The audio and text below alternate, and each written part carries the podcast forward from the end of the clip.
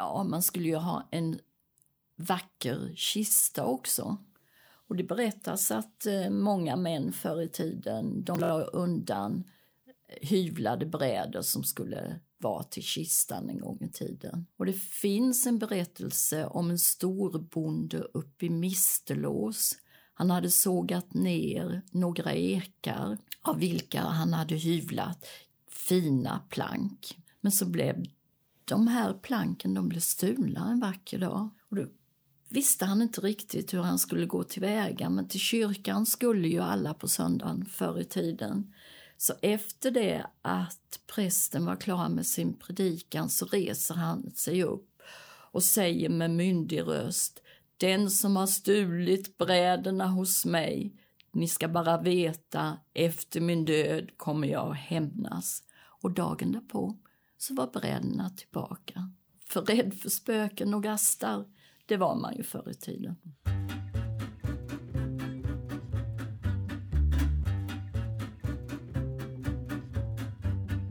Din podd på jorden är Kulturparken Smålands podcast om Kronoberg.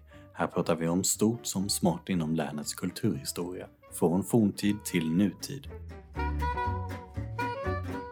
Välkommen till eh, din podd på jorden. I eh, vårt sjuttonde avsnitt ska vi nu titta närmare på det här med döden och de riter och seder som finns kopplade till den.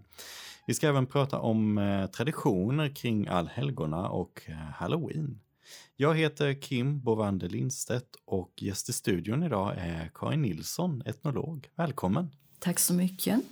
Hur länge har vi eh, firat allhelgona i Sverige? I Sverige har vi gjort det ganska länge och vi kan gå tillbaka i tiden till den katolska tiden faktiskt. Men det var väl omkring 1953 så enades regeringen och eh, kyrkan om att man skulle införa ännu en helg på hösten.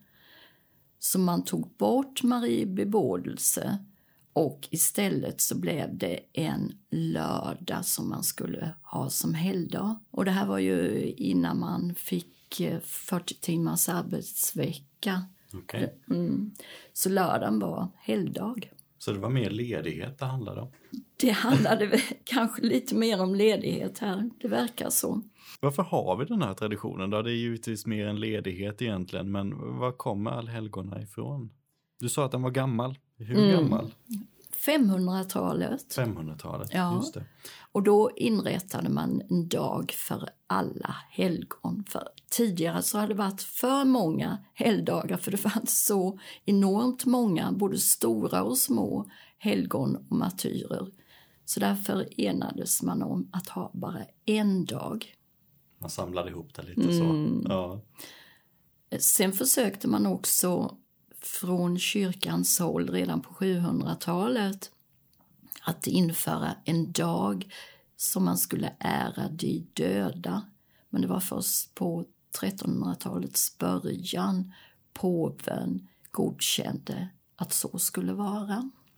Mm. Hur, hur såg man på det här med helgonkult och så inom? Ja men det var stort. Det var mycket, mycket, mycket stort.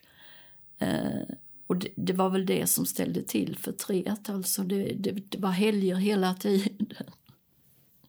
Och så kunde man ju inte ha det. Nej. Någon skulle arbeta också. Ja, just det. Mm. Emellanåt. Ja. Hur kommer det sig att den lever kvar, allhelgona lever kvar och finns även i vår moderna tid? Har vi ett behov av allhelgonahelgen? Det behöver väl egentligen alla människor en dag där man tar det med ro och reflekterar över livet kanske och minns de som en gång i tiden har levt alltså. Om man jämför allhelgonafirandet då eh, för långt tillbaka i tiden jämfört med hur vi firar idag, vad ser du för skillnader? Ja, det har ju kommit en relativt ny tradition, seden att tända ljus och smycka gravarna. Och just den här traditionen att tända ljus på gravarna, den kommer i slutet på 1800-talet. Men det tar väldigt, väldigt lång tid innan den slår igenom. Varför vill man tända ljus vid gravarna? Ja, det är väl det är också en sed som egentligen går långt tillbaka i tiden. Tidigare så hade vi gjort det vid, på juldagen, när man skulle iväg till julottan. Mm. Och då hade man till och med små granar som man tände ljus i.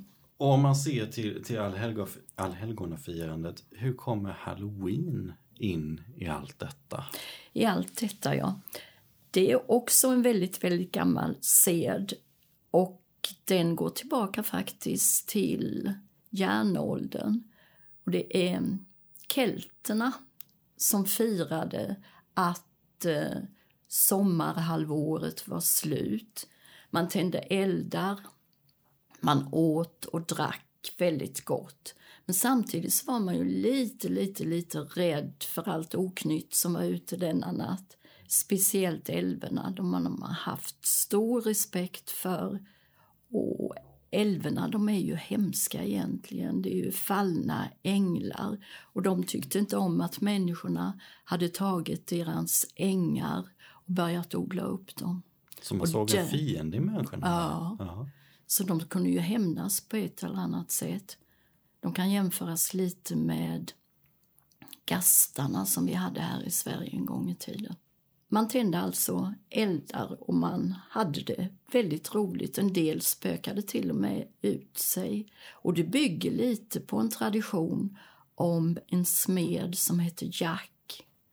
Och Jack, han hade varit en väldigt, väldigt duktig hantverkare i sin tid. Men plötsligt så började han att fuska lite. Det var inte så mycket järn i svärden som det skulle vara. De gick sönder och så vidare och folk klagade. Eh, så en dag blev Jack sjuk och då kom Gud hem till honom och satte sig på sängkanten och talade om för honom att han kommer inte in i himlen. Här tänkte Jack, då kan jag ju vänta att djävulen kommer om en stund och mycket riktigt gjorde han. Och då bestämmer de att de ska spela ett parti schack. Och Jack vinner över djävulen. Och han blir så förtretad, djävulen, och säger att du kommer inte in i helvetet heller. Och då blev han alltså tvingad att gå runt på jorden. Och som smed så smedde han en lång, lång kedja. Och sen livnärde han sig på rovorna som han odlade ute på fälten. Innan mätet åt han upp, men själva skalet la han glödande kol i och sen drog han runt med den här långa, långa kedjan. Och såg man ett sånt ljussken, då var det ju, Då var det illavarslande. ja det verkligen. Ja. Och den här seden, den spred ju sig så småningom även till USA med invandrare. Och där blev det en sån här familjehögtid till att börja med. Och där odlade man ju pumpor också. Men så blev det ju också barnens högtid i USA. Man klädde ut sig och till häxor och benrangel och sprang runt och tiggde godis. Men plötsligt på 60-talet så började ryktena spridas att elaka människor hade stoppat i metkrokar och rakblad i godiset. Och på 70-talet så kom också rapporter om att vissa sekter var ute och rövade bort barnen. Så att man införde, man försökte i varje fall införa en ny sed i USA för mindre barn som heter Glada pumpans dag. Men se, den slog inte igenom för det var väl det. ingen unge som ville vara utklädd till en rund pumpa när man kunde vara ett benrangel eller en häxa. Det kanske har mer lockelse också att skrämmas snarare än att vara en glad pumpa. Ja, men så är det. Ja. Det har vi väl lite till mans i oss, va? Tror jag. Så den traditionen gick över till USA och eh, har nu då, halloween har ju blivit något av en, en lite mer kommersialiserad eh, högtid om man säger så och nu har kommit till Sverige sedan 90-talet ungefär. Eh, men, det, men det hänger fortfarande ihop med allhelgona och med de döda. Du sa 90-talet och jag vet att redan tidigare, redan på 1950-talet så var det ett gäng studenter i Uppsala som hade varit i USA och studerat som försökte införa den här seden. Men se, det gick inte. Redan då försökte man. Ja. Ja. Men sen var det väl så att vdn på Buttricks i Stockholm blev återförsäljare utav de här hemska kostymerna då. Och han hade en jättefest på Hard Rock Café i Stockholm. Jag tror det var 91. Och sedan så hängde ju handeln på. Och det kom bakelser och det kom... eh, Man kunde gå och sminka sig hos en skönhetsexpert och allt sådant. Det kom ett helt paket med grejer kring Ja. det. ja. Och det har vi ju gått från, från gammalt till nytt, från forntid till nutid utifrån det. Men, men bilden, alltså hur, hur, eh, eller hur vi tänker och ser på de döda, har den förändrat sig över tid? Eller är det någonting som håller sig konstant? Jag gjorde en intervju med några som eh, arbetade på lasarettet i sin tid. Och jag har också intervjuat privatpersoner. Många privatpersoner, alltså de har säkert sett Sjunde inseglet, Ingmar Bergmans film där med Max von Sydow och Bengt Ekeroth i huvudrollen. De ser döden som en man i en sån här kåpa. En del ser honom också som ett benrangel som sitter och spelar schack. Men de flesta idag tror jag inte har något förhållande till döden. Man har kanske till och med inte sett en död person. Man dör på lasarettet. Förr i tiden så dog man i hemmet. Och eh, går vi tillbaka till 1700-1800-talet så var det ju på det viset att man eh, kunde se tecken på när någon skulle dö. Var det en hund som grävde en grop utanför Förstubron, ja, då skulle någon dö. Eller ugglan hoade klevitt, klevitt, då var det fara och färde. Och i vissa delar, till exempel i Kalmar län på Öland, så var man väldigt lite sådär. Såg man till exempel en sädesärla tidigt på våren, ja då var det någon som skulle dö för man tyckte att eh, ärlan där har en klädsel svart och vitt och bebådade också död. Läste man in mer saker eller var man mer uppmärksam kring de här sakerna för? Överhuvudtaget naturfenomen. Jag tänker nu för tiden så kanske man inte skulle lägga så stort, stor vikt vid att en hund krafsar i marken eller så. Eller, Nej, men det vet väl alla som har haft en hundvalp att de gräver gropar då och Ja. då lite ja, överallt. precis. Ehm, du nämnde det här med, med ugglan som, som hoa klevitt. Vad, vad betyder det att man skulle klevitt? Ja, Går vi tillbaka då i tiden så var det ganska vanligt att det rum den döde låg i innan man satte locket på kistan, det skulle man klä vitt. Man drog hela rummet med vita lakan, satt för fönster, såg till att inga fönster var öppna, att nyckeln satt i dörren så att den dödes själ inte kunde ta sig ut. Man ville på något sätt försegla så att den döde stannade kvar i rummet. Var det i väntan på begravningen som man gjorde det? Ja. Det var så. Mm. Mm. Och vad, vad hände om själen smet ifrån rummet? Ja, det var inte alls bra. Nej. Det var inte bra för då kom ju den här personen kanske att gå igen efter sin död. Just det. För själen var viktig att få med i ner i graven. Ja. Annars var personen halv. Mm. Eller Mm. Och sen pulade man ju ner massa saker i kistan också som den döde skulle ha med sig. mm, vad kunde det vara för saker? Ja, var karln i huset begiven på brännvin så stoppade man en liten flaska i vänster ficka för att han med höger hand, man tog för givet att alla var högerhänta, lätt skulle kunna komma åt supen där. Ehm, man har stoppat humle i kudden. För humle, det vet alla, då blir man trött och sömnig av. Då ligger man där i ro på sin kudde. Var det i, eh, i graven eller i rummet eh, när man klädde vitt? Som man ville ha in humle i kudden? Det, det var i rummet. Det var i det var i rummet. Ja, man kanske inte hade kudde i graven, i, i kistan. Jo, det hade man. Hade man det? Ja. Ja. Man skulle ligga bekvämt. l- lite finare kuddar då Ja. med lite spetsar och så. Och när man väl då börjar närma sig det här nu, det är dags för begravning och och eh, man har lyckats hålla själen kvar inom rummet och man har då fått ner personen i kistan och man har varit i kyrkan. Hur betedde man sig för att personen skulle stanna kvar i sin grav? Ja, ett sätt i Kronobergs län har det odlats väldigt mycket lin. Det var att strö linfrön ända ifrån huset där den döde hade levt ända till kyrkogården och den grävda graven.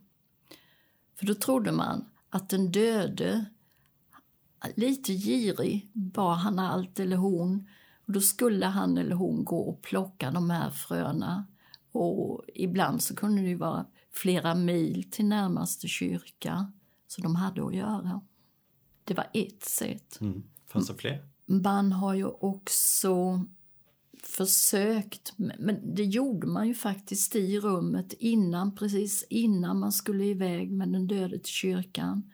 Det var att binda ihop benen på den döde för att han inte skulle kunna ta sig, alltså promenera iväg tillbaka. Väldigt praktisk på det sättet. Ja, det var man. Men sen har man ju risat också. Mm. Man har lagt ut ris hela vägen där eh, tåget med den döde gick fram till kyrkan. Och det var ju för att han eller hon inte skulle kunna gå tillbaka för då skulle de sticka sig i fötterna. För man hade ju strumpor på sig på den tiden. Man hade inte skor med sig. Man hade inte skorna. Nej. Det är smarta grejer detta. Mm. För att så håller man en död kvar i sin grav. Hade det, fanns det någon, någon, ehm, tänkte man att alla döda vill tillbaka till sitt hem eller såg man någonstans att ja, men en död kan finna ro i sin grav också? Ja. Mm. Men det var väl speciellt människor som hade varit lite snåla eller hade varit oärliga, eh, vänsterprasslat och så vidare. Var det de man var orolig för? att de var man väldigt orolig för att Okej. de skulle komma tillbaka. Var det att de, man, man kände att de kanske inte var klara med sitt jordeliv eller fanns det andra? Det var bara opolitliga personer kanske? Ja, de hade något mer att uträtta, Ja. kanske be om förlåtelse och så vidare. Det kan ha varit de Mm, också, att man mm. vid döden kände att nu vill jag göra rätt för mig. Ja. Det här med att, att, att binda benen, det, det nämnde du här innan vi började spela in. Det fanns ju någon väldigt känd person som man band benen på. Ja, du tänker på Karl XII. Jag tänker på Karl XII. Ja. Där Där- band man benen. Ja, Varför? det gjorde man. Ja, man var väl mäkta rädd för att den här krigarkungen skulle komma tillbaka. Och man var väl också enormt trött på alla krigen också. Jag tror det. Ehm, för han var ju i stort sett odödlig. Och det hade han blivit genom att när han var liten så hade det kommit en klok gumma och lurat i honom ett varghjärta. Och så fick han en speciell knapp också utav den här gumman. Och det berättas ju att under krigsåren så brukade Karl, när han kom tillbaka från fält så brukade han tömma sina stövlar och det bara rasslade ut med skott och så vidare. Så han var ju odödlig. Hade han med sig knappen i graven tror du? Ja, jag tror det. Ja. Jag tror det. Om man ser till begravningar nu och, och eh, då, förr alltså, man säger 1700-1800-tal, är det någonting som skiljer sig i vad vi tycker är viktigt eh, när vi har en begravning? Ja, om vi går tillbaka i tiden, som du säger 1700 och 1800-tal, så ville man att när man en gång var död så skulle man ställa till med ett enormt kalas. Och de här kalasen de kunde ju vara i två upp till tre dagar eller om det var en högre ståndsperson så kunde det vara en hel vecka. Det var fest helt Då- enkelt. Ja, det var det. Ja. Och det sparades ju varken på mat eller dricka. De här festerna som var upp till en vecka, liksom, handlade det om att manifestera, att visa för omvärlden att jag var viktig? Att jag var viktig och jag kunde och hade lagt undan pengar för min begravning. Och visa att jag är bättre än Johan Persson som dog för några veckor sedan och bara hade ett kalas som varade i en dag. Finns det några lokala exempel? Några som du kommer på sådär som att här var det fest? Ja, det, det finns ju från hela, he, hela Kronobergs län, det gör det faktiskt. Och det finns ju uppteckningar som de här kalaskokerskorna som gick runt och lagade mat vid begravningarna har skrivit ner. Och en del av de här böckerna finns ju än idag hos olika släkter. Och jag har kollat en sån bok en gång i tiden. Och det skiljer ju sig ganska mycket vad man åt och drack. Vad kunde det exempelvis vara som man återdrack? Ja, brännvin och öl i mängder. Och då är det ju en tid där man själva bryggde sitt öl. Ehm,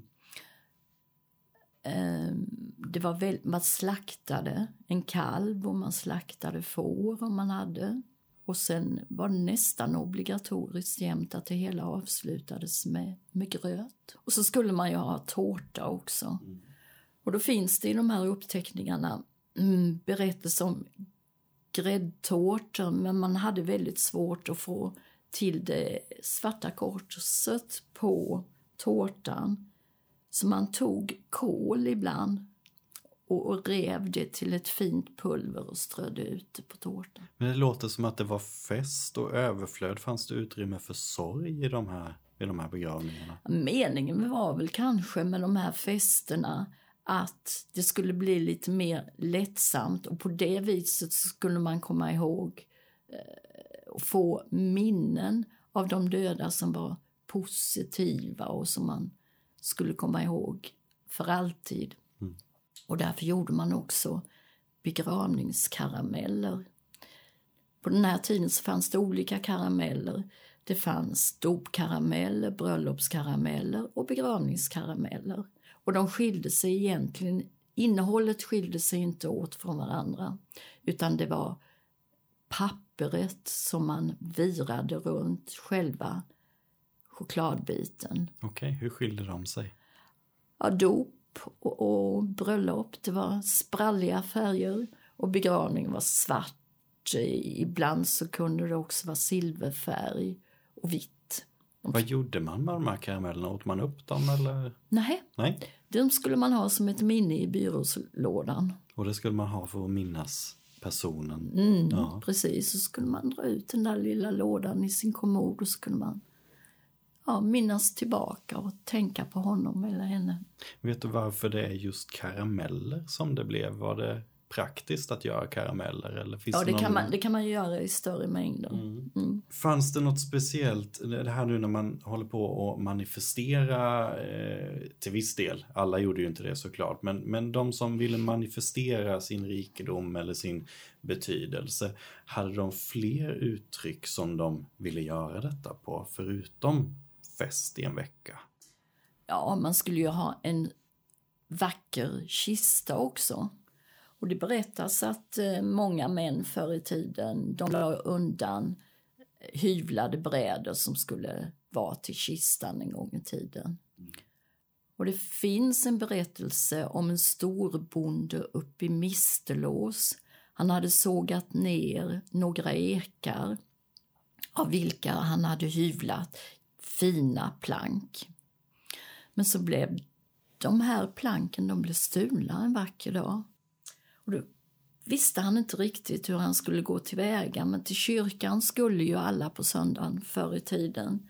Så efter det att prästen var klar med sin predikan så reser han sig upp och säger med myndig röst Den som har stulit bräderna hos mig, ni ska bara veta, efter min död kommer jag att hämnas. Och dagen därpå så var bräderna tillbaka.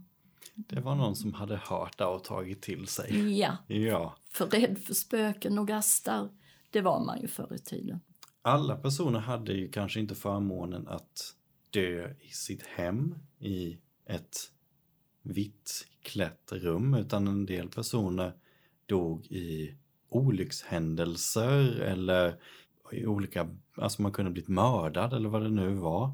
Då kunde det ju ske nästan vad som helst ute i naturen eller vad som. Fanns det något sätt för de personerna att kunna finna ro och vila också? Eller var det kört där? Nej, det var inte kört. Eh, utan det var ganska vanligt att på den plats där någon hade blivit mördad eller blivit sjuk och dålig. Där försökte man binda den döde vid sin grav. Så man la saker och ting, man kastade på. Det är därför det heter offerkast. Eh, och det vanligaste var väl att man la stora stenar. Och det säger ju sig självt, då är det ju svårt för den döde att rucka på de här stenarna. Det. Och de kunde bli enormt stora, de här offerkasten. Låg personen kvar när man la de första stenarna eller flyttades personen? Oftast fick personen ligga kvar faktiskt. Och så fyllde man på med stenar. Ja, idag är det ju vanligt att vi tänder ljus vid en plats där det har skett en trafikolycka eller något liknande och lägger blommor. Men här var det det man kunde hitta i skogen. Det kunde vara grenar också. Var, var det att man gjorde det en gång eller? Nej, det fylldes på. Det gjorde det över tid. Ja, Var man, vem, personen, om vi säger att eh, det handlar om en mördad person, var man orolig att den personen skulle följa efter den som gick förbi om man inte band den? ja det var man. Ja. Och att den då skulle... Hämnas på ett eller annat sätt. Finns det några eh, platser i länet där det är där det finns sådana här offerkast kvar?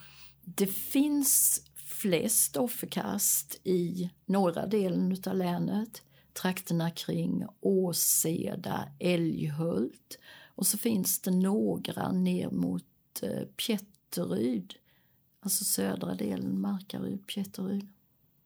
När förekommer norra delen av länet igen? Är det spöktätt där? Det är väldigt spöktätt. Eller kan det bero på att man har hållit vid det gamla och de här sägnerna har levat kvar längre. Jag tror det är så. Förr var det vanligt att man hade fler namn och benämningar på spöken än vad man har idag. Eh, exempelvis så pratade man om eh, gastar, gengångare och mylingar och en av de allra värsta av de här väsen det var just mylingen. Vad är det? Myling är ju ett hemskt väsen. Det är ett litet spökbarn. Och det här barnet det spökar ju för att eh, dess mamma en gång i tiden har tagit aborterat eller tagit livet av det lilla barnet. Och det kan ju bero på att en gång i tiden så var det ju en stor skam att bli med barn utanför äktenskapet. Och det berättar en del sjuksköterskor från förr i tiden att eh, man tog livet av de små.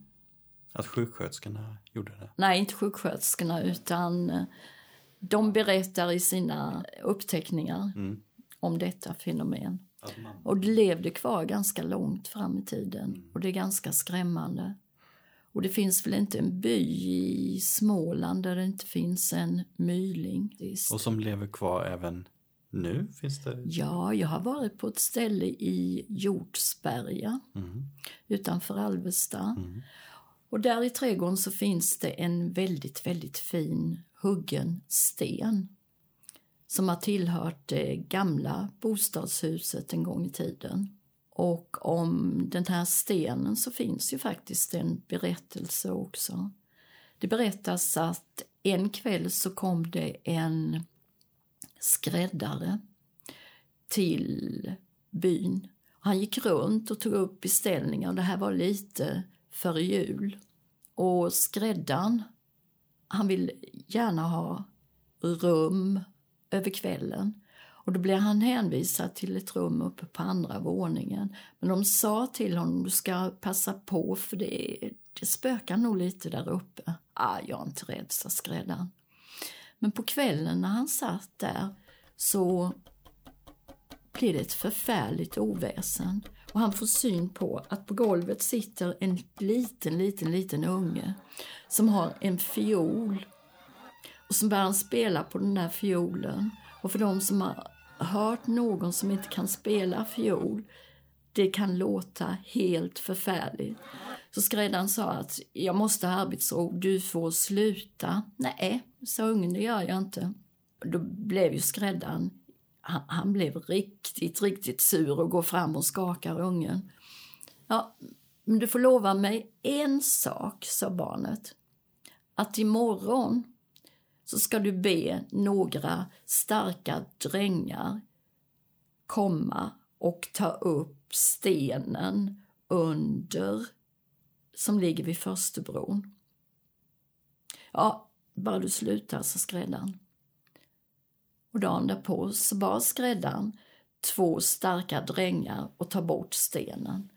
Och där hittades ett litet, litet barnskelett och skräddaren hade ju faktiskt lovat att han skulle ta det här lilla skelettet och få det i vigd jord. Vad var det man var rädd för med mylingar? Var det något speciellt man var för? De var rätt elaka. Mm. De var riktigt, riktigt elaka. Och det berättas att mylingar har visat sig när det har varit dans på någon loge och golvtiljen har öppnat sig och upp kommer en myling och grabbar tag i någon kvinna och dansar runt med henne ända till hon faller död ner. Det är hämnden alltså. Det, spöken och gastar pratar man ju ibland om. Och eh, mm en gast, vad, finns det någon skillnad mellan spöken och gastar? Och i så fall, vad, vad skiljer de båda åt? Ja, gastar är ju lite mer skämtsamma kan jag säga. Mm. Eh, rätt vad det är, är man ute och går i skogen och speciellt om man är modig och kavat och sådär och inte rädd för någonting så vill de här gastarna gärna skoja med personen i fråga och liksom hoppar upp och tar tag i en. Skulle man bli kramad utav en gast så blir man sjuk och dålig. Och så ska man komma ihåg en sak också. Blir man gastkramad så får man avtryck på huden som aldrig försvinner. Alltså det blir fem avtryck av fingrarna. Väldigt blåaktiga, påminner lite om tatueringar som man får väl kolla lite mer vad det är för typ av tatueringar folk har idag. Och där rundar vi av det här allhelgona avsnittet och tackar Karin Nilsson för ett spännande samtal kring döden och dess riter och seder. Om du vill läsa mer om det som vi pratat om idag så rekommenderar vi Nils Arvid Bringeus bok Livets högtider. Och för de yngre kan även Per Gustavssons bok Gastar och gengångare vara spännande läsning. Med det så säger vi tack och hej för den här gången.